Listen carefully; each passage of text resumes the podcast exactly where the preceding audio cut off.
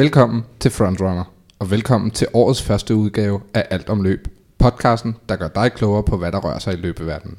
I dag skal vi igennem nogle højaktuelle og meget spændende emner. Det bliver blandt andet til en snak om Sondre Moen og hans fantastiske maratondebut. Et kig på weekendens DM i kortcross, og så tager vi temperaturen på, hvad der kommer til at ske i 2018, og hvad der rører sig i det danske løbemiljø lige netop nu.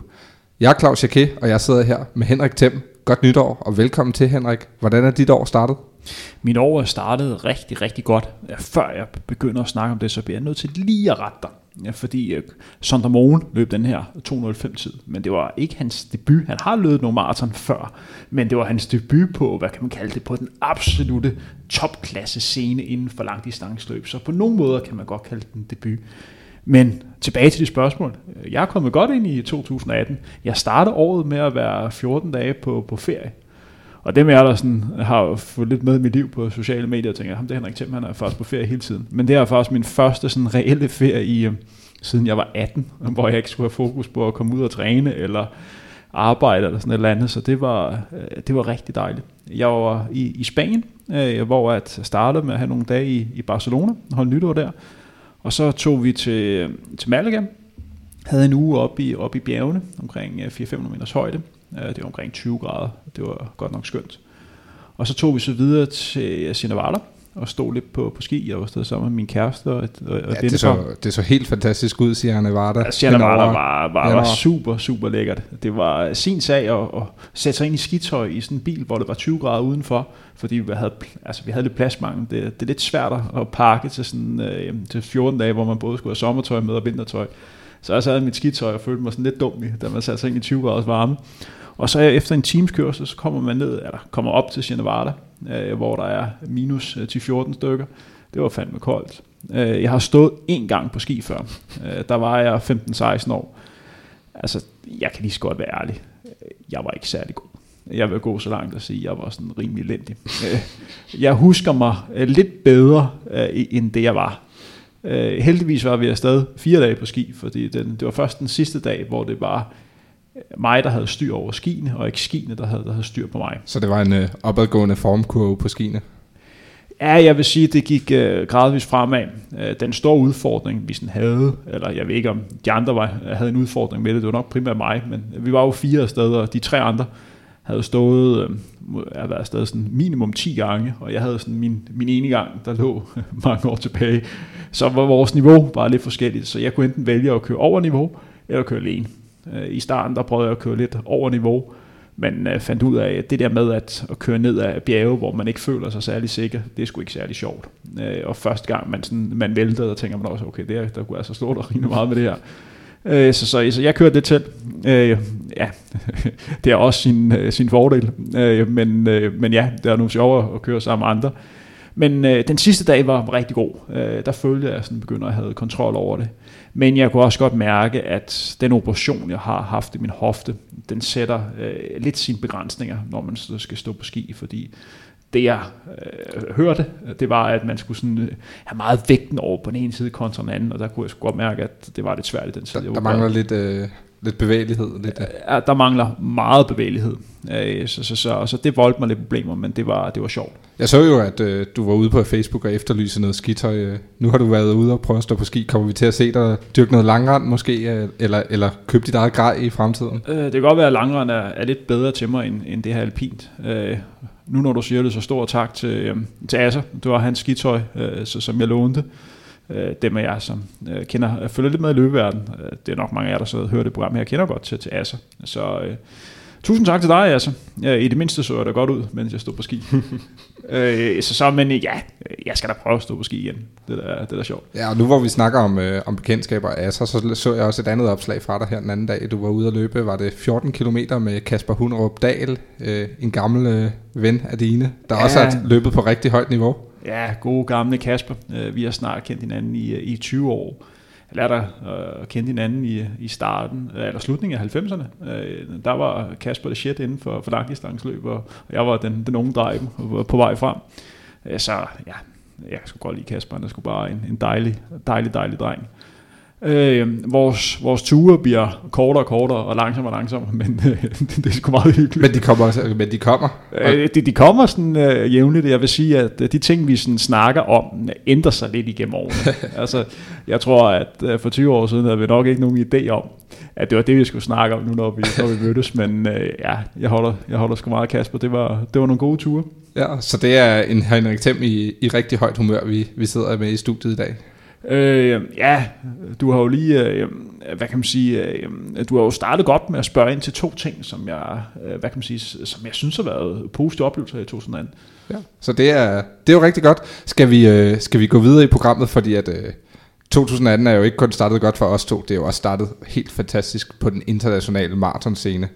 Og netop maraton kommer vi til at snakke en del om i dag, for der er jo sket store ting. Og hvis vi starter med, hvad der skete i søndags, Dubai Marathon, der bliver altid løbet stærkt i Dubai, men i år var det alligevel et helt særligt løb. Henrik, vil du ikke guide os igennem de sidste 5-10 kilometer? Jo, altså Dubai er jo årets øh, første sådan rigtig store øh, maratonløb. Øh, jeg bliver løbet meget tidligt øh, øh, i Dubai. Primært på grund af, at, at det kan blive rigtig, rigtig varmt i Dubai. Øh, så, så derfor starter man om, omkring klokken 6 om morgenen, mens det stadigvæk er, er, er mørkt. Traditionelt vis er det et løb præget af de etiopiske løber, og det var også øh, et tilfælde i år. Du havde en rigtig, rigtig stor front, øh, du, som blev samlet langt, langt hen i løbet. Og øh, de sidste 5-10 km, der havde du øh, øh, ja, otte løber, så, som, som lå samlet, og, og de lå alle sammen til at kunne løbe, øh, løbe rigtig stærkt øh, på forhånd var det et løb, hvor at de største stjerner ikke var med. Så mange af dem, det var sådan lidt ukendte etiopiske løber. Så det var lidt svært lige, og du havde den forsvarende mester Tola, men altså, du skal være meget inden for løbeverdenen for at vide, hvem øh, nogle af de andre var. Øh, så, så, så, øh, så det var et, et spændende opgør til sidst, øh, hvor at, ja, vi fik en meget dramatisk afslutning. Og hvis du ikke har set den, så gå ind og søg på den på YouTube, eller find afslutningen på vores øh, Frontrunner Facebook-side. Fordi ja, den, den ligger er, inde på ja, vores Facebook. Det er en sindssyg afslutning ja, helt vanvittigt. Hvor mange løbere var det, der var, der var samlet på de sidste 100, 200, 300 meter? Nå, men de ligger jo syv løbere samlet, da de går ind på de sidste to kilometer. Så er der så en, der falder fra, og så er der så seks løbere, der ligger samlet ind på den sidste kilometer. Man kan bare se på den her lange boulevard, de ligger bare og spurter om, hvem der skal vinde den her historisk store præmiesum på 200.000 dollars. Prøv lige at høre det igen. 200.000 dollars. De ligger og kæmper om. Der er seks løbere, øh, som løber mellem 204.00 og 204.15. Alle sammen løber for, for Etiopien. Og ham, der bliver nummer 6, der løber i en verdensklasse tid, øh, blandt de 20 hurtigste tider nogensinde. Han bliver altså kun den 6. hurtigste øh, etiopiske løber og får 20.000 dollars øh, i, i præmiesum. Altså, prøv lige at se den store øh, forskel på at få 20.000 dollars og så få 200.000 dollars. Det her, det var helt ekstremt. Ja, og man kunne se det på ansigterne. Igen, jeg vil op, også opfordre til, at man går ind og ser det, fordi det er altså nogle løbere, det er seks løbere, der giver sig alt, det er syv løbere, der giver sig alt, hvad de overhovedet har, og det er ikke, det er ikke for småbørn. Nej, det var et, altså det, det, det, var et, det var et vildt løb, og det viser også bare, altså Etiopien har altså startet det her år her øh, med bravur. Altså det her, det er ekstraordinært. Jeg siger det igen, syv løber under 205. Øh, det har vi aldrig haft. Vi har heller aldrig haft seks løber, der er så tæt på den her to timer og fire minutters grænse. Vinderen blev øh, Girav Mev øh, for Etiopien, øh, som altså vandt i de her to øh, 400.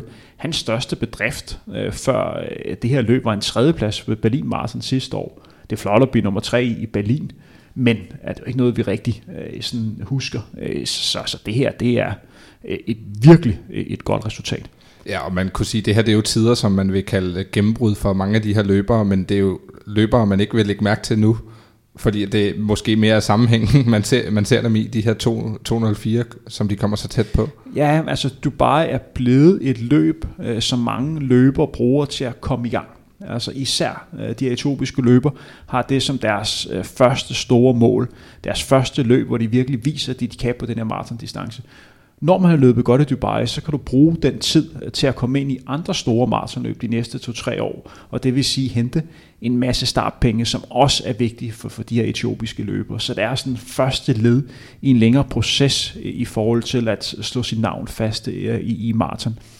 For mange løberne kender vi ikke, men altså tiderne taler, altså, taler sit eget sprog. Og nu skal jeg lige høre, fordi vi havde jo et Sub 2-projekt sidste år, og tager jeg helt fejl, hvis jeg siger, at det var Lelisa det, det siger, der var med i projektet, som også debuterede i, uh, i Dubai han, året før. Han debuterede i, i Dubai et par år før. Ja. Han har vundet Dubai, jeg mener det to gange. Han har også vundet, uh, han har også vundet Boston. Jeg tror, han debuterede og, og vandt uh, i, um, i Dubai i, i 2013. Et fantastisk år, hvor han også vandt Boston og så blev nummer to til, til VM på maraton i, i Moskva. Uh, han havde tre store maratonløb for, inden for et halvt år. En ting, jeg må også bide mærke i, det er, at vi har jo verdensmesterskabet i Dubai næste år. Øh, og her var det ikke så godt at se, at altså et, øh, du afvikler et maratonløb, som er en del af sådan et øh, motionsløb. Der var ikke særlig mange deltagere med i løbet, og der var ingen tilskuere ude og kigge på, på arrangementet. Og det er bekymrende for et løb, som har det her gold label, især når man har VM næste år. Og det er måske også lidt bemærkelsesværdigt, fordi i næste weekend, og det ved jeg ikke, hvor mange øh, der, der går op i, men der, der er der jo halv Ironman, øh, Dubais halve Ironman, øh, hvor jeg efter sine eller har fået fortalt, at der er et væsentligt større tilskuer og bud, øh, når det bliver afviklet. Er det, øh, er det noget, man kan lægge noget i, at, at et event en uge efter kan, kan trække mange flere tilskuere end, end det her maraton? Udenbart burde det appellere øh, til den samme målgruppe. Øh, så, så jeg tror, jeg, jeg tror, det er svært at sammenligne, men det er bekymrende. Altså, det er virkelig bekymrende, at der ikke er flere øh, Øh, som følger med i, i det her løb, når vi har løber med på, på, på det her høje niveau.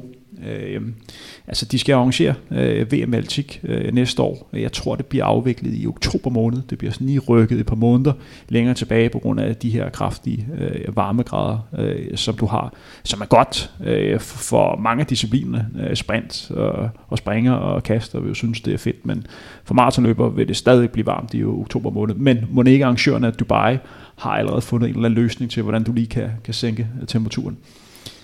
Jeg vil så spørge som det næste spørgsmål, øh, for du har været lidt inde på det med, med præmiepengene, men hvorfor, hvorfor er det, at det lige skal i Dubai, at vi ser en så stor flok? Altså vi har set klassefelter før med, med løbere, der er meget homogene i, i deres resultater og forventede tider, men vi har aldrig, aldrig set et så stærk afslutning på et maraton med så mange løbere, der kunne tage sejren til sidst. Nej, men det var, altså, det var ekstraordinært. Øh, og som sagt, nogle gange rammer du bare de her løb, øh, hvor der er mange løber, som ligger og kæmper om sejren til sidst.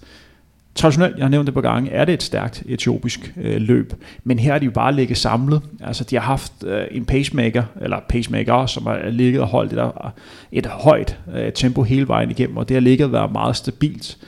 Det sjove i øh, Dubai, det er, at man skal ligge ud i verdensrekordtempo. Det bliver man simpelthen nødt til. Det er del af deres image, og det er simpelthen for, at man vil gerne have folk, der sidder og følger med i det her løb rundt omkring i verden, og det går altså hurtigt på sociale medier, når man runder de første 5 km i verdensrekordsplit. Så det skal man gøre, også selvom man godt ved, at chancen for at få en verdenskort nok er minimal. Men øh, der var, de rundet i 1.01, nogen 30, og altså taber, øh, taber lidt på, på anden halvdel, men det er stadigvæk flot holdt, og det tror jeg simpelthen fordi, at pacet trods alt har været så stabilt, at der er mange løber, der kan ligge samlet og på den måde kan hjælpe hinanden. En af de ting, som vi har lært i forhold til det her Breaking 2-projekt, det er vigtigheden af optimal pacearbejde. Øh, det er nøglen øh, til at løbe stærkt på, på, på de lange distancer. Så når det fungerer, har du bedre forudsætninger for at kunne løbe stærkt. Men du skal selvfølgelig have form til det. Øh, vi havde jo også et rigtig godt løb for, for kvinderne. Vi fik jo fire kvinder under 22 Øh, det er exceptionelt højt niveau. Vi fik en vindertid øh, på 2.19.17, også en, øh, en løber for, for Etiopien. Altså så højt niveau. Øh, en lille sjov note, også i Dubai Marathon, der jeg sad og kiggede resultatlisten igennem. Men det forbehold, at der er fejl i det, øh, så vil jeg gerne lige sige noget, der er sjovt.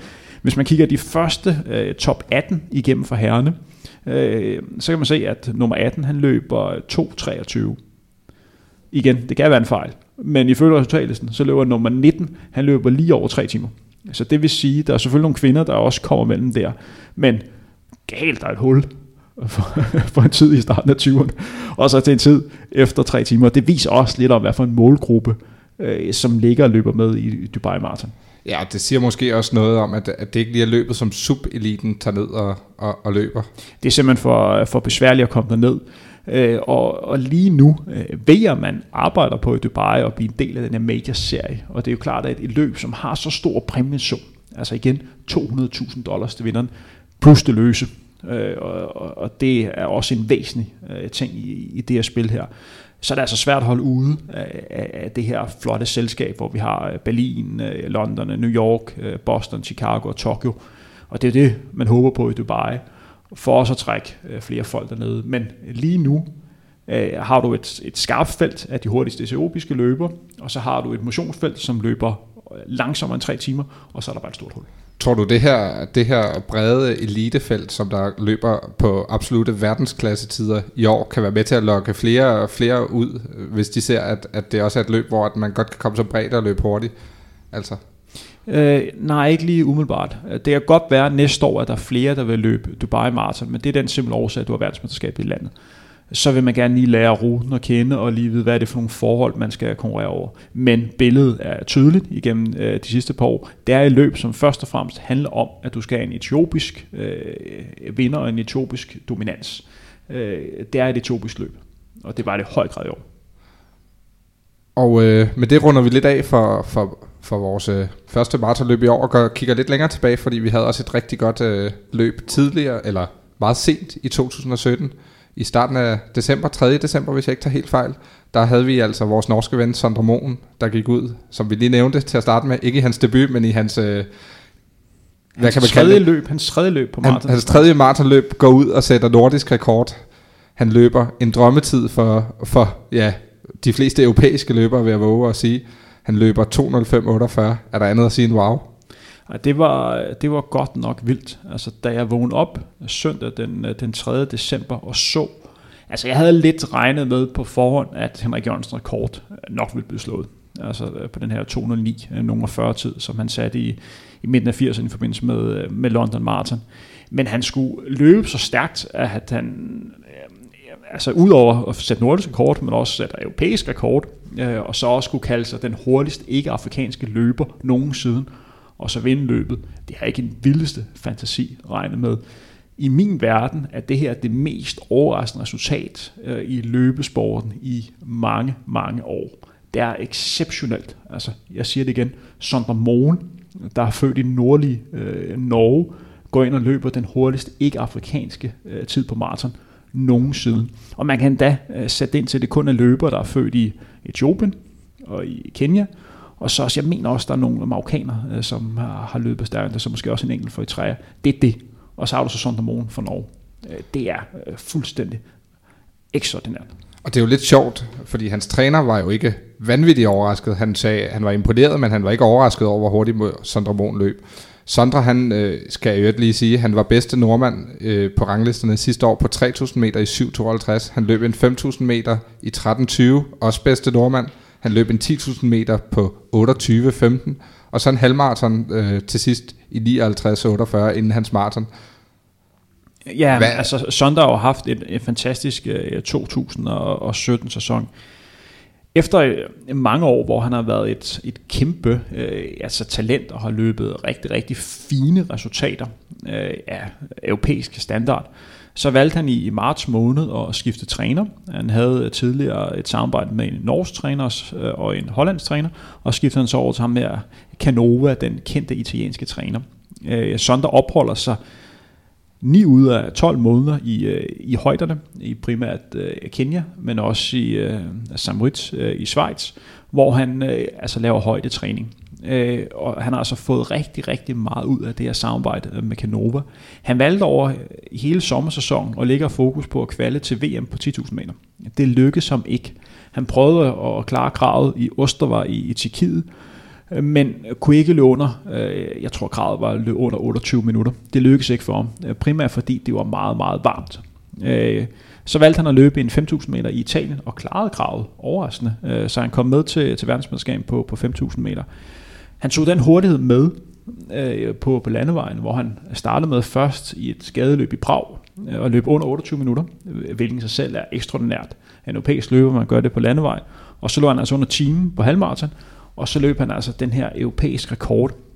Hvis man nørder hans, øh, hans øh, maraton, så kan man se, at, øh, de, at man deler løbet sådan op i split af 5 km. Det var altså løb, som øh, foregik i Japan, og øh, du, blandt øh, de startende havde du altså den tidligere verdensmester Kipchoget for Uganda. Du havde Karoki, som har vundet Copenhagen Half øh, her i øh, København, en klasseløber. Øh, du havde en, øh, en løber fra Australien, som øh, lå og lavede pace de første 20 km. Han ligger altså og løber vanvittigt stabilt. Altså han ligger og løber omkring 15.0 hver femte kilometer vi har snakket om vigtigheden af optimal pacearbejde, og her der sidder der altså lige i skabet. De sætter tempoet en lille smule ned til 30, og derefter formår han at øge tempoet. Han løber 29 17 de sidste øh, øh mellem 30 og 40, og så holder han sig hastigheden de her 2,55 de sidste par kilometer. Og det er altså vanvittigt imponerende. Han smadrer Karogi øh, på, øh, på de sidste 10 km, og ser meget, meget stærk ud. Øh, det her, det var et sindssygt godt resultat. Bare lige for at sætte det i relief, så, så alle kan forstå, øh, hvor, hvor stort og hvor hurtigt det er, han løber til sidst. Hvor mange danskere kan lige nu løbe 29-17 på en 10'er? Bare ren. En, Abdi. Øh, vi har ikke nogen andre, øh, som er... Øh, altså, sidste år var der en dansker hjemme, som lå under 30 minutter på 10 km. Så det er... Og det var Abdi. Og her gør han, løber han de sidste, eller 30, mellem 30 og 40 løber han 29-17.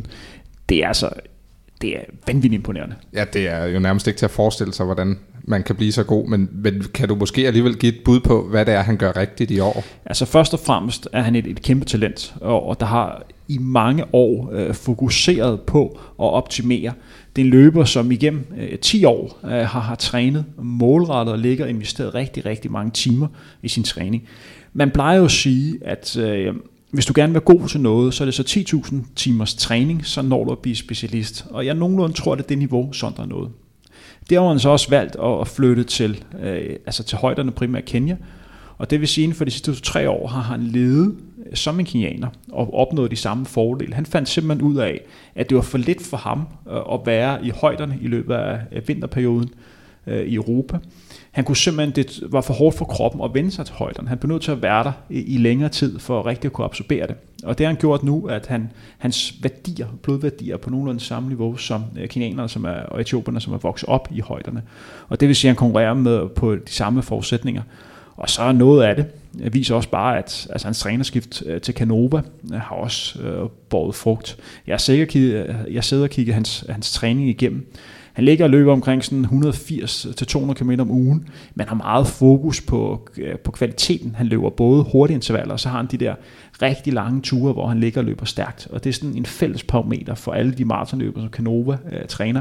Et, de skal have speeden, men de skal også ligge og køre de her voldsomme øh, lange ture. Det kan være 35-40 45 km, der for Sonders vedkommende øh, foregår i sådan 3.15-3.20 pace, og det er vel at værke i over 2.000 meters højde det kræver altså sin mand.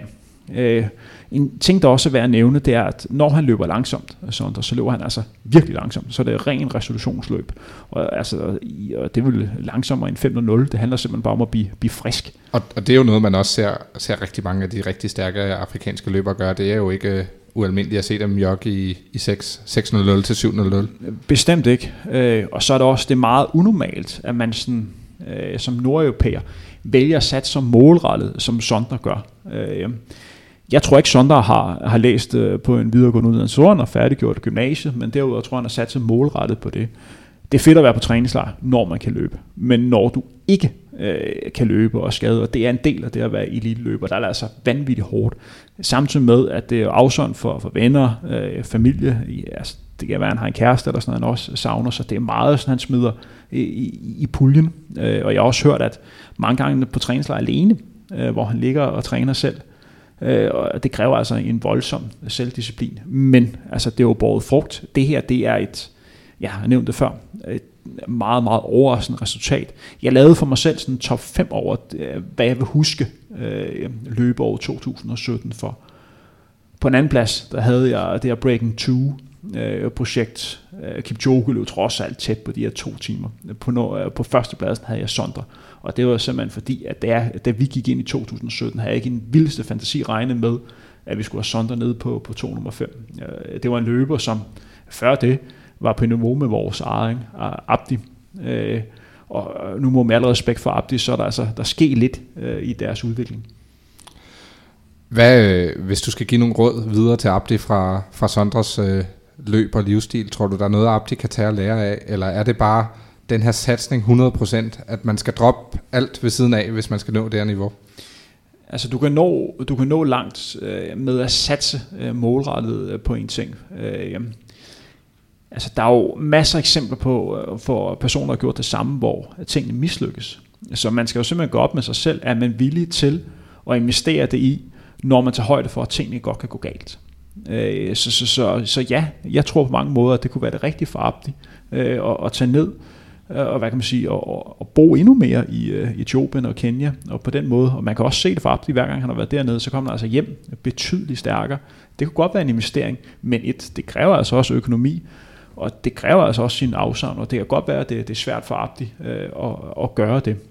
Så der er noget, man sådan virkelig skal overveje, om det er det, man vil. Men du kan også se det, altså vi har de her to Robinson-brødre, Altså, jeg mener, det var Jack, øh, der, der tidligere år, ham og hans bror Zach, de øh, for 10 år siden flyttede de fra New Zealand øh, til Eton i, i Kenya, og nu ligger det altså begge to at løbe under timen på, på halvmarathon. Eller i hvert fald lige omkring, jeg tror Jack kan løbe 60.01, men han vandt altså det her verdensklasse løb i Houston, hvor han slog øh, et felt, som sjældent er set stærkere på halvmarathon-distancen, og det er altså en, øh, en New Zealander, som, som lå og gjorde det. Så, øh, så, så det kan lade sig gøre. Du, øh, nu nævner du selv, det er 10.000 timer. Det er, hvad, hvad sagde du, 10 år han har boet i, i, i Kenya, eller været så lang tid i Kenya af gangen? Nej, nej, øh, altså Undskyld. det er omkring 10 år, hvor han ligger og trænet uh, decideret elite-træning. Uh, og altså hvis du træner omkring 2-3 timer hver dag i, i 10 år, så er det omkring 10.000 timer, uh, man rammer. Så er det der, hvor man rammer sit topniveau. Uh, og han ligger nok og topper lige nu, Sonder. Ja, men det, min tanke var også mere, er der nogle danskere, hvor vi kan se, altså Abdi, han, øh, han er jo trods alt også, altså i forhold til, til hvornår Sondre flyttede ned, så er Abdi jo en ældre herre, øh, hvis han skal tage ned og bo i, i, i Kenya de næste par år. Og så skulle det være et topniveau. Er det overhovedet realistisk, eller skal vi kigge på nogle af de yngre danskere, for, for at se nogen, der skal nå det samme niveau som Sondre?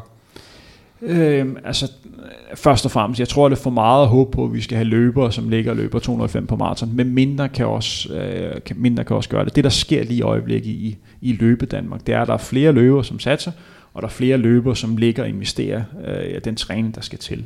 Så jeg tror, at vi inden for de næste par år ser positive resultater. Øh, men en løsning for mange kunne godt være, øh, og hvad kan man sige, øh, få danne nogle træningsgrupper, og så tage sted øh, til øh, Kenya, det kan være Etiopien, det kan også være, øh, øh hvad kan man sige, øh, steder i Frankrig eller Spanien, opholde sig længere tid for igen at udligne de, øh, de forskel, der er med de afrikanske løber. Men man skal, øh, man skal ville det, øh, fordi igen, det er sjovt at være på træningslejr, når tingene kører, men når man er skadet, som en del af løbesporten, så er det fandme hårdt. Så har jeg et andet spørgsmål, som også øh, er i den her kategori. Øh, der er også øh, andre stærk, meget stærkt løbende nordmænd, vil jeg våge påstå. Vi har Ingebrigtsen-brødrene, som, som jeg tror de fleste i hvert fald kender til. Der er jo Henrik og, og Philip, der blev europamester og træer ved samme løb. Og der er Marius, undskyld, Magnus Vedvik, som også gør det rigtig godt. Vi har Thomas Roth, der er en rigtig dygtig 800 meter løber i Jørt. Også har en bror, Andreas, der løber rigtig, rigtig hurtigt. Øh, og så er der Tom Korbø, der løber en hurtig forhindring. Hvorfor er det, der er så mange norske løbere, der gør det godt, øh, også på international scene? Først og fremmest er der her nogle, nogle frontløbere. Øh, tidligere havde de jo øh, Marius Barken, og så, øh, som blev rigtig stærk på 5.000 meter, har løbet lige over 13 minutter, har den øh, nordiske kort øh, på den distance. Og så havde de også øh, Vibjørn Rudal, øh, som blev olympisk mester øh, i 96 på 800 meter. Det var øh, det et år, øh, hvor alle troede, Wilson Kipketer øh, skulle vinde. Men øh, han valgte ikke at stille op, fordi han øh, håbede på at blive dansk statsborger. Øh, og det kan vi jo øh, takke Wilson for, øh, fordi han opnåede rigtig, rigtig gode resultater senere øh, til Danmark. Allerede på det tidspunkt havde de sådan en frontfigur. Øh, igennem de sidste 5-10 år har de også haft løber, som, som har vist vejen. Der har været Sinter Burås, som har løbet 13-11, og så havde du sådan en Sonder, som lå og blev, øh, hvad kan man sige, øh, europamester i juniorklassen, har også øh, vist vejen. Og så havde du Henrik Ingebrigtsen, det her øh, kæmpe norske talent, som er del af den her, de, de her brødre, som også viste vejen. Han blev en meget overraskende europamester i 2012 på 1500 meter i Helsinki. Jeg kan huske en lidt sjov historie med, med Henrik. Jeg var på besøg min ven David Møller, der på det tidspunkt arbejdede for Nike i, i Norge. Øh, det var et par dage op til, at øh, hvad kan man sige, Europamesterskabet skulle, skulle foregå. Øh, og Henrik, han, øh, jeg tror, altså, David fortalte, at Henrik han har lige været op på, på kontoret, lige afviklet, ja, afleveret et forslag til en kontrakt, eller en forbedret kontrakt, når han nu bliver Europamester om fem dage. Og på det her tidspunkt her havde han løbet øh, 3.38 eller sådan noget, og var ikke blandt øh, favoritterne. Jeg tror, i Nike Norge, der troede de ikke særlig meget på det her. 4-5 dage senere blev han ikke Europamester. Og jeg er rimelig sikker på, at han fik sin, øh, fik sin aftale. Det vidner om en, en kæmpe selvtillid, og, og noget som der, i, altså hvis vi tænker i Danmark, det er jo meget udansk, og, og, det er, og de siger det jo også i den, der er en øh, berømt øh, norsk serie på NRK om, øh, om Ingebrigtsen-familien, hvor man kommer helt ind på livet, hvor de også meget tidligt i, i serien fortæller, det er jo unorsk at gå ud og sige, at man vil være den bedste, og sætte så meget på det. Ja, jamen, det er, det er unorsk, men øh, på mange måder er det sgu meget fedt, at du har en person, der tør melde ud på, på den her måde her. Øh, og det viste vejen, at det godt kunne lade sig gøre, og det har på en eller anden måde været, været lidt nemmere for hans to brødre. Philip, der også blev europamester på, på 1500 meter, det gjorde han i 2016 i Amsterdam, og så Jakob øh, er tredje led, som har ligget og løbet nogle af de hurtigste tider, en, en junior løber nogensinde har gjort på, på mejlen og på 1500 meter. Også når man sammenligner med øh, jævnaldrende kenyanske løber. Så det er altså en, en løbefamilie, som er helt ekstraordinær. De er også gode til at lave træningsmiljøer op. De ligger og træner sammen, de ligger og træner hårdt sammen, og de ligger og træner meget rigtigt. Øh, de har meget fokus på at træne på laktat. Øh, det vil sige, at de ligger og laver laktatmålinger, når de er ude at løbe intervaller. Og når laktaten er højere end, end 4 millimol, så, har, øh, så ved de, at de har trænet, trænet for hårdt. Så ligger meget at lave det her øh, tærskeltræning. Og så har de i vinteren har, ligger også store dele af deres træning på, på langrand, rulleski, så på den måde får en, en masse kredsløbstræning på ikke så belastningstung underlag, så, så, som, som løb er. Øh, så, så, så, så der er løber, som på mange måder har, har knækket koden, og det kan man jo bruge som inspiration øh, herhjemme.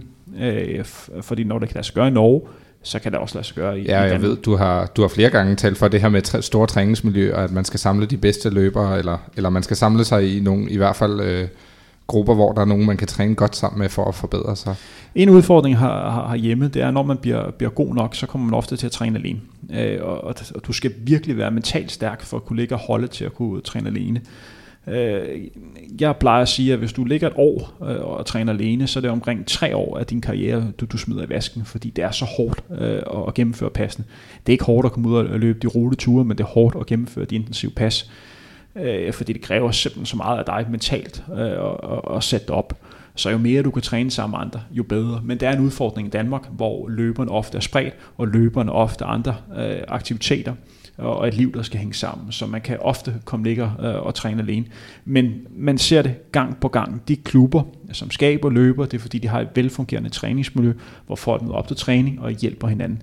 Det har vi set i Sparta, det har vi set i Blåsted, vi har set i Odense, og vi ser det også nu i, i AGF. Øh, og, og det er bare det, der skal til. Og øh, for lige at kort runde den her snak af om øh, norske løbere og en lille smule også de danske løbere. Hvem øh, synes du er den bedste løber i Norden lige netop nu? Med 100% sikkerhed, Sondre Morgen. Okay, så er den øh, ligesom øh, rundet af. Øh, men vi snakker en lille smule mere om, øh, om norsk. Og det er fordi, at der altså også er nogle norske sprinter, der gør det godt.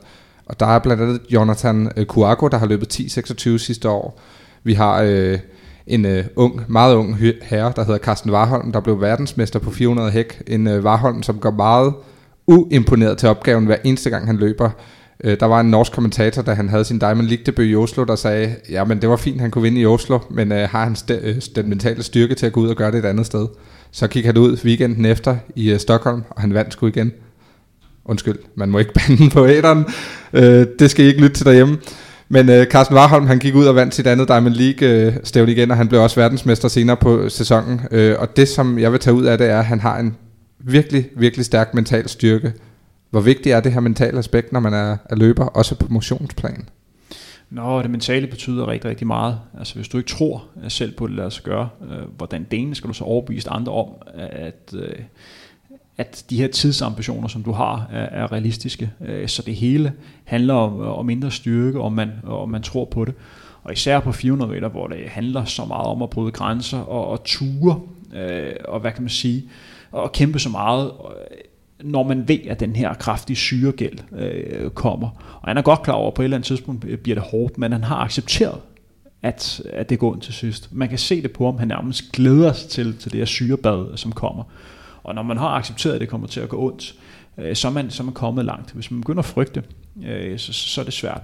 Øh, Varholm, han, han, han er mere opsat på at vinde, end han frygter at tabe. Han er ikke bange for at tabe. Øh, for mange løber, så frygter man nederlaget mere, end man glæder sig over de sejre, øh, som kommer. Og der er det helt anderledes for, for Carsten Warholm. Det virker det i hvert fald til. Så han, han er ikke bange for at tabe, men han vil rigtig gerne vinde. Er det noget, du selv har tænkt over i din karriere som topløber, at det, at det handler mere om at vinde, end det gør om ikke at tabe? Altså jeg vil sige, at de løber, som jeg har, eller de løb, som jeg har haft det, det sværeste med, øh, det har været de løb, hvor at alle forventede, at man skulle vinde. Og især øh, så på den måde, øh, kunne man i sit eget hoved ikke andet end at, øh, at skuffe, øh, og det gjorde, at det var meget mentalt øh, hårdt, øh, og hvad kan man sige, komme igennem øh, i de løb. Og jeg har også ofte haft det, haft det svært i, øh, i løb, hvor jeg ligger konkurreret mod jævnbyrdige danske løber, hvor jeg har haft det bedre med at måske have taget udlandet, hvor jeg ikke kendte de her løber, hvor jeg ikke vidste, hvad de har løbet før. Og på en eller anden måde kunne jeg slappe, det, øh, slappe lidt med af. Nu når min elitekarriere er færdig, kan jeg sådan se lidt tilbage øh, og se lidt tingene på en lidt anderledes måde. Og jeg tror, en af de ting, øh, som jeg har gjort øh, forkert, det var, at jeg simpelthen ville det for meget. Altså, jeg vil det her løb. Måske øh, lidt for meget. Det havde nok været bedre for mig, hvis jeg lige havde slappet af og sagt, okay, altså, det kan godt være, at det ikke lige bliver, bliver dagen i dag, men der kommer en ny dag i morgen. Øh, fordi nogle gange kunne det godt være sådan lidt, øh, altså, øh, at man nemt låste sig selv, fordi man havde så meget lyst og så meget vilje til det her. Du har selv øh, skrevet på Facebook og, og fortalt øh, meget åben hjertet om, at du også har lidt af angst undervejs i din løbekarriere. Er det også noget, du kan, kan relatere til den her, den her kamp med, med også forventningspresset udefra? Jeg tror primært, at forventningspres øh, for, for en selv. Øh, øh, ja, øh, jeg har haft øh, bøvl med, med angst øh, i min karriere, og jeg har stadigvæk øh, bøvl med, med angst. Øh, jeg gør, hvad jeg kan øh, for at acceptere, at angsten er en del af mig, og det er også derfor, at jeg valgte at være, være åben omkring det. Øh, både for at inspirere andre, men også for, for lidt at, at hjælpe mig selv. Fordi øh, sådan som det er nu, øh, så er der ikke nogen garanti for, at, at de her tanker ikke vil være hos mig i, i løbet, af, løbet af en dag, fordi det er, det er fyldt så meget. Årsagen til, at jeg valgte at være åben omkring det, jeg tror det var sådan i, i august måned, det var, at jeg havde oprettet en, en side på, på Facebook, øh, hvor jeg skrev min, øh, min løbekarriere og sådan løberelaterede ting. Efter jeg stoppede min karriere, så var jeg sådan lidt i tvivl om, hvad jeg skulle sådan gøre med det. Øh, jeg vil gerne sådan, øh, hvad kan man sige, lukke siden ned på, på en ordentlig måde, og jeg kunne simpelthen ikke lukke den side ned, uden at være ærlig og, og fortælle, øh, at jeg havde lidt af angst, for det har sådan været en stor del af, af min løbekarriere de sidste øh, 4-5 år. Så, så jeg kunne ikke se mig selv i spejlet uden at, at sige det.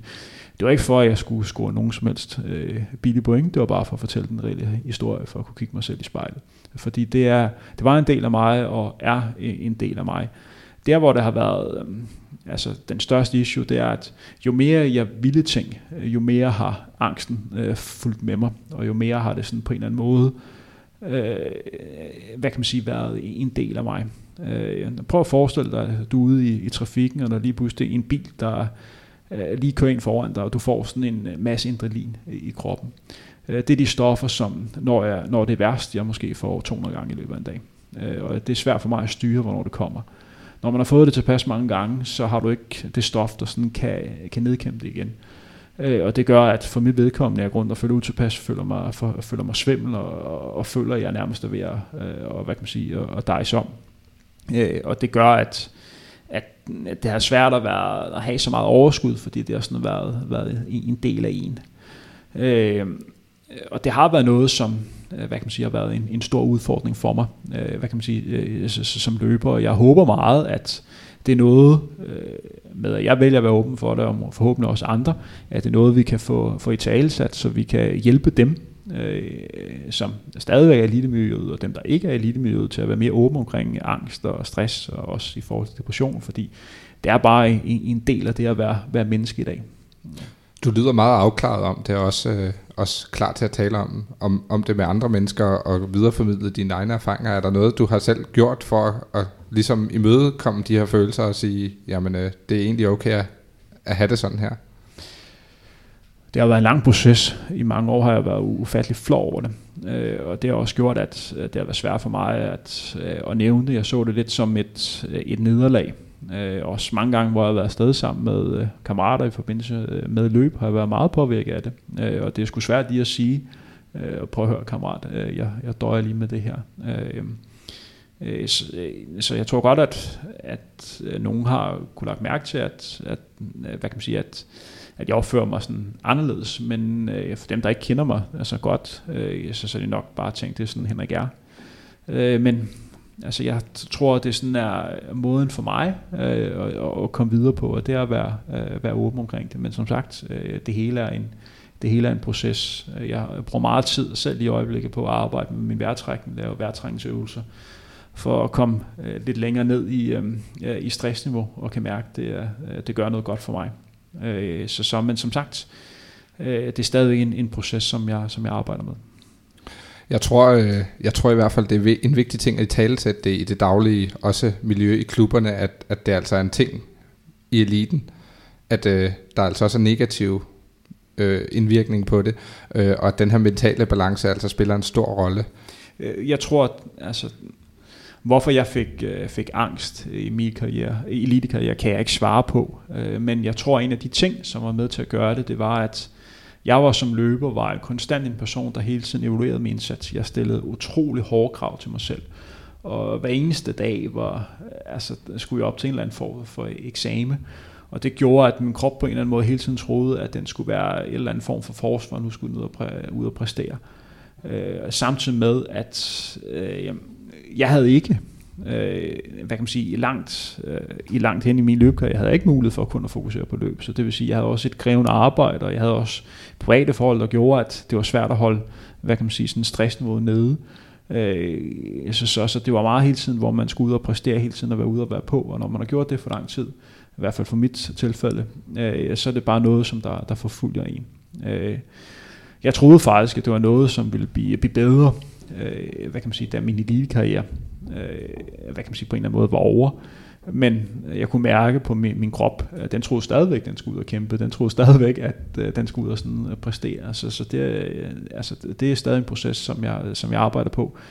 Øh, men jeg synes, som, øh, som træner, øh, er det noget, som øh, man skal tage meget seriøst, og man skal sådan prøve at snakke med sine atleter øh, omkring det, fordi jeg tror, der er en del, der, øh, der døjer med det.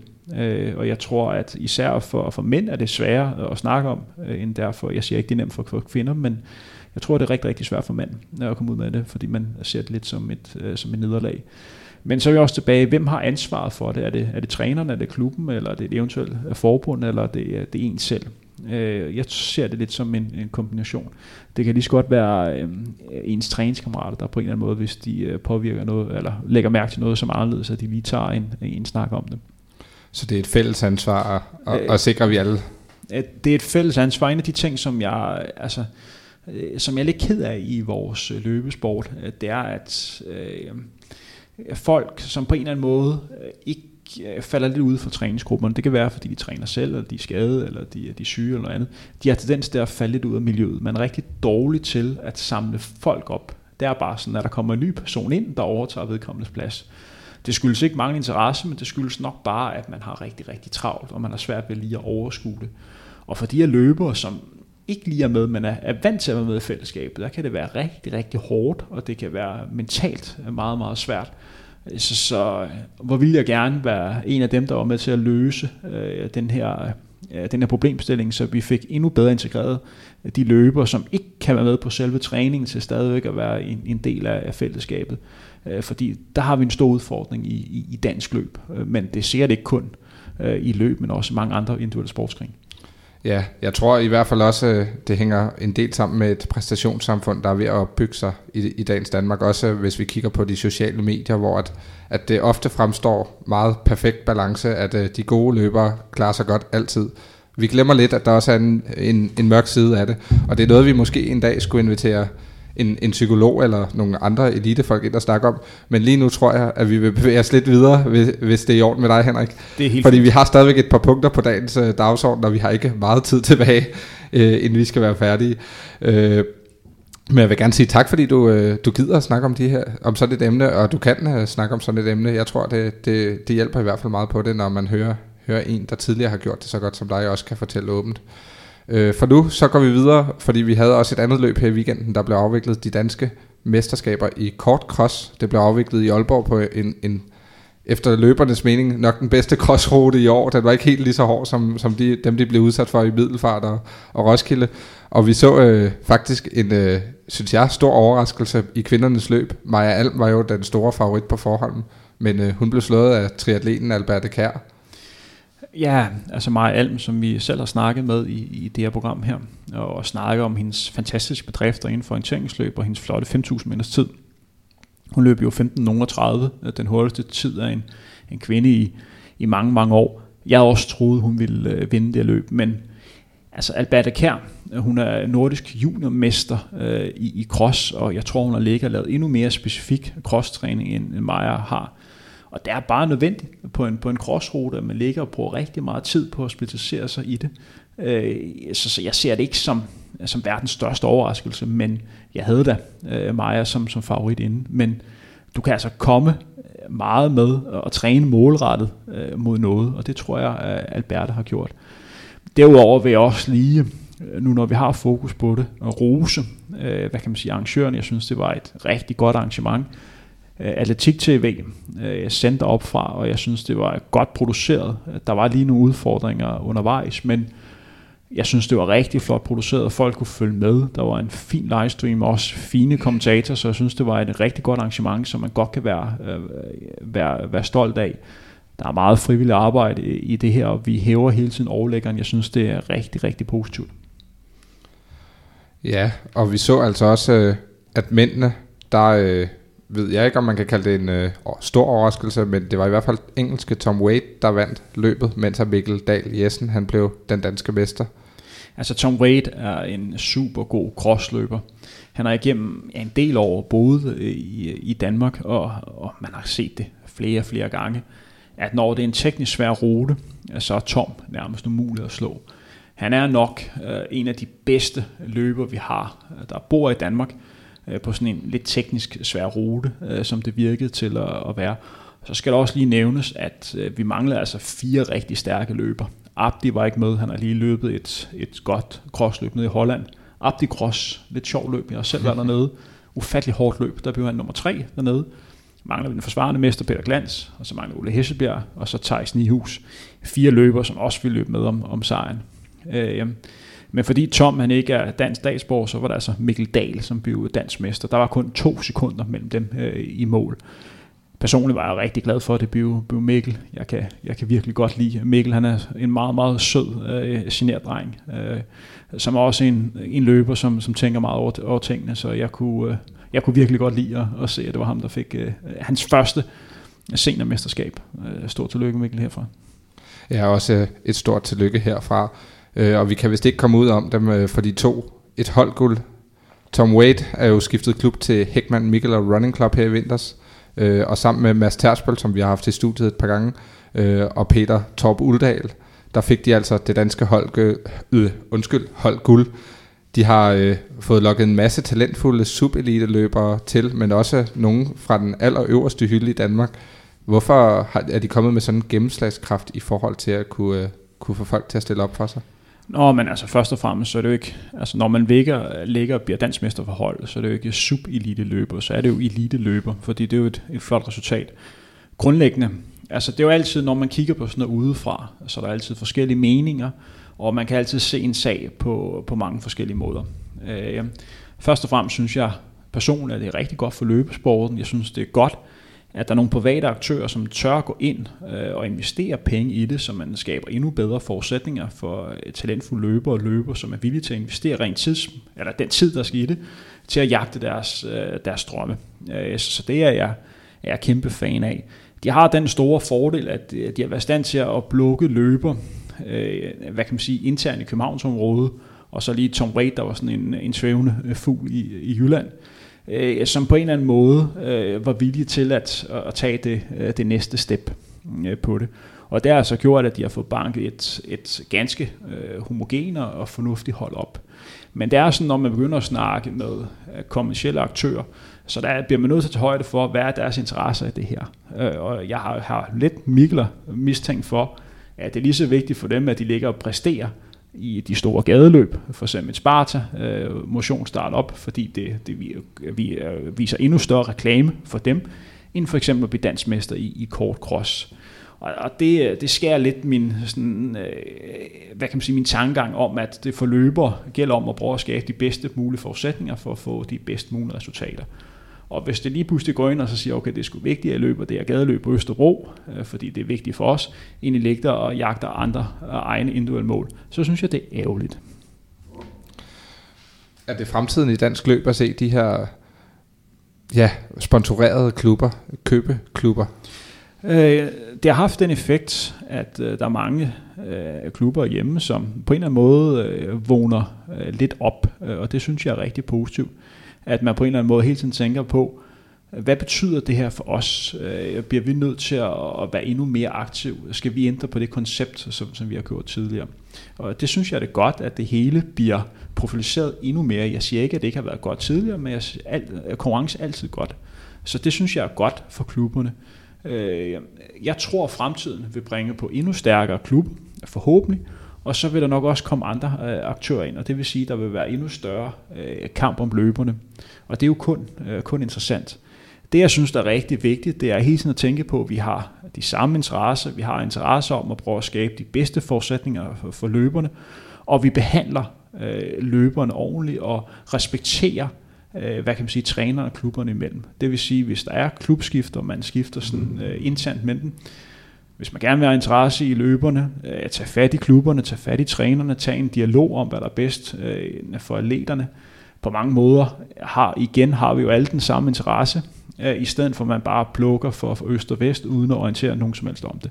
Det synes jeg er dårlig stil, og det er ikke kun rettet mod Mikler-projektet, men det er så meget rettet mod alle andre klubber. Det er svært at få folk til at investere frivillig tid, når det, de investerer tid i, lige pludselig væk fra en dag til en anden. Det bliver vi nødt til at, at stoppe. Prøv at høre, vi lever i 2018 vi bliver nødt til at komme videre på det punkt. Behandle hinanden med respekt. Hvordan øh, ser du den ultimative, øh, altså vi, vi, vi ser de her klub, klubber dukke op, hvordan synes du kontakten skal være imellem? Altså når, når vi nu ser Hækman, øh, der, der får de her penge fra, fra øh, en, øh, en ølbar, øh, skal han simpelthen tage, øh, tage, tage fat i, øh, i den, træneren og sige, øh, hey, den, hvad siger du til at komme ind til os? Eller? Den måde, som jeg synes, tingene skal, skal gøres på, det er, at vi skal behandle hinanden med respekt. Øh, og der er altså nogen her, der har investeret en, en del tid, og der er klubber, der måske også har investeret en, en del penge i det. Så hvis der er altså et, altså det hele løser selv, hvis der er nogle kontrakter, øh, kontraktforhold. Hvis der ikke er kontrakter, så, så er respekt, tager man fat i klubben, Øh, hvis han løber en klub, eller hvis det er løbefællesskab, tager man så fat i øh, uh, ejerne af det her løbefællesskab, eller træneren, hvor man simpelthen tager en dialog om, øh, hvad der er bedst for atleten. Igen, så man behandler hinanden med respekt ja, det synes jeg er den, den rigtige måde at, at gøre det på. Som sagt, det her det er noget, som der kan ske alle steder. Det kan så godt ske i Jylland, som det kan ske i København. Men hvis vi skal oppe os, så bliver vi nødt til at få mere styr på den del. Og jeg bliver jo lige nødt til at spørge, fordi at, øh, det, jeg tror ikke, det er nogen hemmelighed, at du har trænet to af de drenge, der løber for Hækman Mikkel og nu. Og det er ikke bare en sur træner, der sidder her og, og banner. Er det, er det, hvis jeg går ind og spørger i Sparta, er det også noget, de vil sige derinde, der mangler respekt, når der kommer sådan... Øh, altså jeg vil sige, jeg har, øh, jeg trænede øh, Peter og så en, der hedder øh, der Asmund, to øh, meget sympatiske øh, altså, løber, som valgte at skifte øh, til Mikkel. Det var rigtigt, at de ikke øh, tog kontakt til mig. Øh, men årsagen til, at jeg sidder her, altså jeg siger det samme til Sparta, hvis de sidder og rekrutterer løber ind, hvor der ikke er taget kontakt. Jeg vil sige det samme til Blåsted, jeg vil sige det samme til AGF jeg sidder og nu er, hvad kan man sige, talsmand for, hvad kan man sige, for eliteaktiv øh, i mit arbejde i, i, i Dansk øh, Idrætsforbund, og der bliver man nødt til at opsøge øh, på det punkt. Øh, og jeg skal også, altså, jeg skal også tænke over, hvad, hvad jeg selv gør, og jeg har da en kraftig ambition om at øh, øh, videregive den, øh, de ting, som jeg selv siger det her. Og det er simpelthen for, at vi skal øjne niveauet. Og når det så er sagt, så får vi tilbage til den positive tone. Hvad kan klubber som øh, Hækman Mikkel og bidrage med på det, på, på det, det de kan sigt. bidrage med, det er endnu bedre forhold til, øh, til løberne, mere professionelle forhold, og forhåbentlig med til at højne niveauet. Øh, vi har snakket om det tidligere, vi har en norsk løber, som lige i øjeblikket løber to, øh, der løber to timer og fem minutter øh, på maraton. Hvorfor kan det ikke ske i Danmark? Så det handler simpelthen om at få talenterne ind, og så på øh, at øh, få skabt de bedste forudsætninger for at lave de her fælles øh, et, øh, hvad kan man sige, øh, træningsgrupper, så man får skabt nogle, øh, nogle virkelig powerful træningsmiljøer, så man kan få trænet godt igennem. Vi skal blive inspireret af hinanden, og samtidig skal man skabe forudsætninger til, at man kan udvikle. Og når du så nu siger inspirere, så tror jeg, det er blevet tid til at spørge dig, fordi vi skal jo inspirere nogle løbere her også. Hvad skal vi ud og træne her i, i februar måned? Det er et godt spørgsmål. Vi er stadigvæk i en måned, hvor at, øh, vi er præget af de forhold, som vi har i Danmark. Desværre at øh, forhold, som er præget af, et, vi får ikke meget sol herhjemme, øh, det er kolde temperaturer, og der er også en del blæst, og vi har også øh, en del regn. Det vil sige, at hvis man skal lave intensiv træning, så er der en stor skadesrisiko det, som jeg anbefaler, det er, at man, medmindre man har et hovedmål, som ligger meget, meget tæt på, har fokus på at på en eller anden måde få bygget en fundament op, få løbet en, en masse kilometer, som man er i stand til at bygge på, øh, når vi kommer lidt længere hen i sæsonen. Øh, det er typisk der, hvor man har mulighed for at kunne løbe stærkt, også i, øh, i de forskellige motionsløb. Så, så det handler simpelthen om at, at, at, at lægge de, de første fundamenter februar er ikke en, øh, en ekstraordinært vigtig måned. Den er lige så vigtig som januar og marts og april og alle andre måneder. Men hvis du ikke får trænet i februar, så finder du aldrig ud af, om hvor vigtig april er, fordi så er du ikke i stand til at kunne træne ordentligt i april. Så husk at komme ud og løbe derhjemme. Henrik, her til slut, der skal vi se en lille smule fremad. Jeg tror, vi, øh, vi øh, nørder det endnu mere i et øh, kommende program senere på året. Men øh, der kommer altså nogle store begivenheder her i løbet af 2018. Vi har allerede øh, set Dubai, men der kommer altså også London Marathon lige om lidt, og der kommer Boston Marathon lige om lidt. Øh, men øh, hvad ser du egentlig mest frem til at skulle, øh, skulle følge med i at løbe hertil? Helt klart London Marathon. London Marathon bliver et rigtig, rigtig fedt maratonløb, som det altid er. Altså London er bare maratonløbet, og så efterår er der så Berlin, og så nogle gange er der også et mesterskab, som er interessant. Men det der sådan er det, der er sådan ekstraordinært i år for mig, det er, at jeg vil lige øh, frem sige, at jeg glæder mig mere til kvindernes løb, end jeg glæder mig til herrenes løb til London. Og hvordan kan det være? Det er simpelthen på grund af, at man har meldt ud, at man prøver at slå den her legendariske Paula Radcliffe-tid på 2 timer og 15 minutter og 25 sekunder. Maja Cantane, den forsvarende mester, som har løbet 2.17.01. Den hurtigste øh, kvindetid i et rent kvindefelt. Hun vil altså slå øh, den her hurtigste øh, notering. Men det har, har hun også fået engageret mandlige harer. Og øh, i feltet har du også de Barber, den her etiopiske legende, som har vundet flere verdensmester og olympisk mesterskaber på, på 5 og 10.000 meter.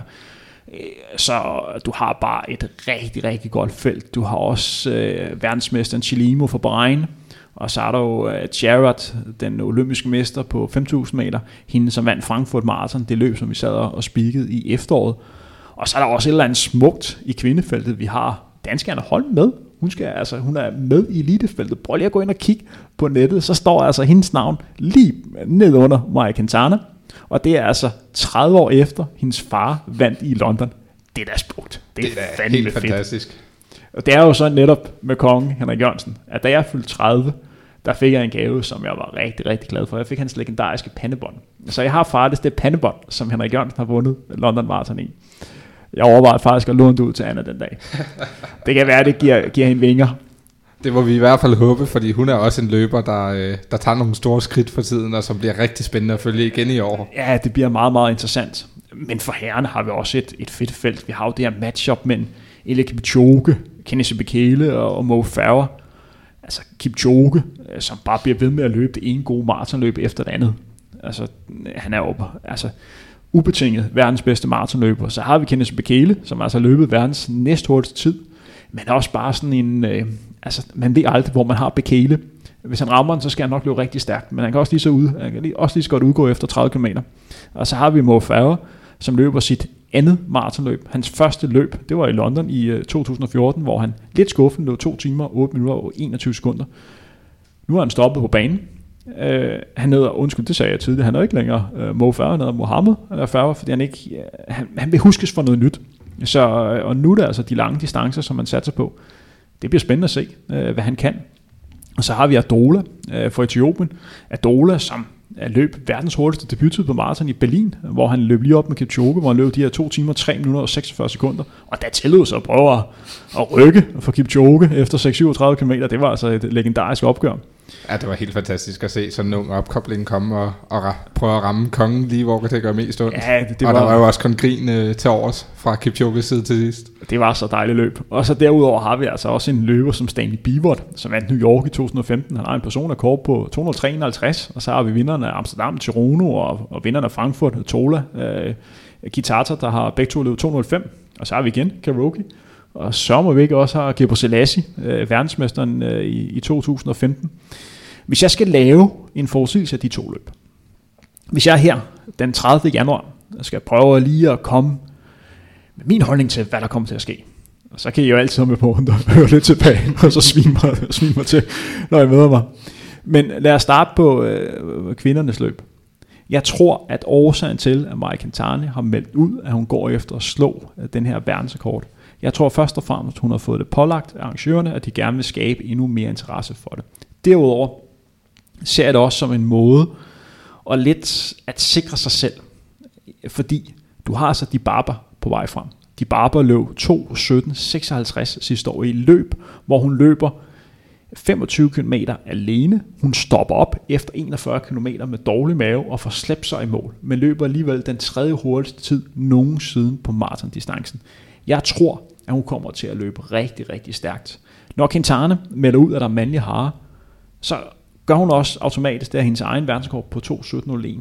Den bliver stående. Den bliver så ikke slået. Så selvom hun taber øh, til, til de barber, og vi tager det i mente, at der ikke kommer under 2.15, øh, 25, så vil, den, øh, så vil hun jo stadigvæk have den rekord at se tilbage til.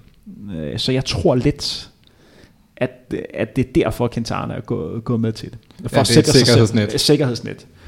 Og så hvis du kigger i herrenes løb, øh, jeg tror ikke på Kipchoge. Jeg tror ikke, Kipchoge vinder London Marathon. Af den simple årsag, at på et eller andet tidspunkt må han tabe. Han må have en dårlig dag. Hvem slår ham? Jeg tror ikke, det bliver Bekele. Øh, Jeg tror helt sikkert ikke, det bliver øh, Mohamed Farah. Altså, det kunne godt være Vantiu, øh, som vandt øh, sidste år. Han så altså rigtig, rigtig godt løbende ud. Men han er- talent. Men han er jo også en løber, som der har en, en PR, der er to og et halvt minut langsommere end, end de andre. Næsten tre minutter langsommere end de andre. Ja, men altså, du så det også i Dubai. Nogle gange, så rammer der altså bare dagen. Og så er der altså Adola, den etiopiske løber. Han er også en outsider. Jeg tror, det bliver en, øh, et, et overraskende, øh, en overraskende vinder i, i London, hvis man kan tillade sig at sige det, at Van Gio gentager øh, sin sejr. I forhold til øh, øh Mohamed Farah, øh, jeg tror, han har toppet. Altså, jeg tror, at for ham handler det om at få den britiske rekord, som, hedder, øh, som, er, øh, som er på 207. Når han har den, så har han øh, samtlige britiske rekorder på 1500 meter op til maraton. Jeg tror, det er det, der handler om. Jeg tror ikke, han er i stand til at kunne følge med Kipchoge, Bekele og mange af de andre drenge. Jeg, øh, han har simpelthen været for gang i for mange år.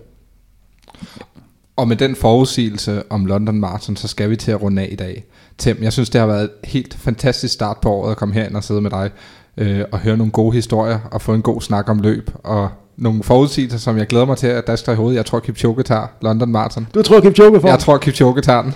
Før vi lukker ned, må jeg så ikke fortælle en god historie. Jo, kom med en god historie. Fordi øh, jeg vil gerne have, at vi sådan slutter øh, hver udsendelse af med en god historie i løbet af verden. Den her historie, den handler om Wilson Kipkeler. Vores legendariske 800 meter løber. Der er så løbet de 1.41.11. Det var sådan tilbage i 2006. Der var han en repræsentant i dansk øh, atletik, hvor han var med som, øh, som hjælpetræner sammen med øh, Thomas Noland. Øh, Wilson Kipkeler skulle simpelthen stå for træningen en periode over sådan 6-7 dage. Vi var en træningsgruppe dernede, hvor der var undertøjende, der var Jesper Favorsskov, der var Morten Munkholm, og så er der nogle løber, som var, øh, som I garanteret også kender, en der hedder Jakob Carstensen, øh, og så var der en, der hedder Aladdin, en der hedder Brian Lindberg, og en der hedder Ulla Keitmann. Sådan en masse løber, som var rigtig gode på, på det tidspunkt. Øh, dagen før havde vi ligget og løbet 6 gange 3 minutter. Nu er Wilson kommet ned, og det er ham, der skal stå for, øh, for træningen. Wilson Kvikpeter vil rigtig gerne have, at vi løber øh, 6 gange 1 km. Thomas Noland, som er, som er landstræner, han kan ikke helt forstå, hvorfor vi skal løbe det, fordi vi har løbet pas, der måske på mange måder minder lidt om det. Men han turde ikke at spørge. Det turde Morten Munkholm godt at spørge. Så han spurgte, Wilson, jeg forstår ikke helt meningen med passet. Vi har lige løbet 6 gange 3 minutter dagen før. Og nu skal vi så løbe 6 gange 1 km. Det er nogenlunde det samme. Wilson kigger på Morten. Morten, prøv at forestille dig, at du en dag går ned på lokale pizzeria og bestiller en Hawaii. Du ved, tomat, ost, skinke, ananas. Og så den næste dag går du på et andet pizzeria og igen bestiller en Hawaii. Du ved, tomat, ost, skinke, ananas. Udenbart ligner de pizza hinanden, men virkelig er de vidt forskellige. Det er lidt det samme med det at passe her. Morten kiggede på ham og fattede ikke en pjælle, men tænkte, vi var sgu nok hellere bare gennemføre træningspas. Så vi gennemfører træningspas. Wilson, du er sgu en fantastisk person, men lige den der, den forstår jeg aldrig. Og ved du hvad, jeg forstår det heller ikke. Så hvis der er nogen herude, der lytter med, der kan, der kan forklare, hvad Wilson mente med det, så må jeg gerne skrive ind på vores Facebook-side. Og således opmuntret, så vil jeg Claus Kid, tak Henrik Thiem, for et rigtig godt program. Hvis I har kunne lide, hvad I uh, har hørt i dag, så smut ind på Facebook og giv os et lille like, og følg os meget gerne. Vi øh, siger tak til Mediano for lån og udstyr, og øh, husk, at øh, vi lyttes ved her på Frontrunner igen i fremtiden. Tak for i dag.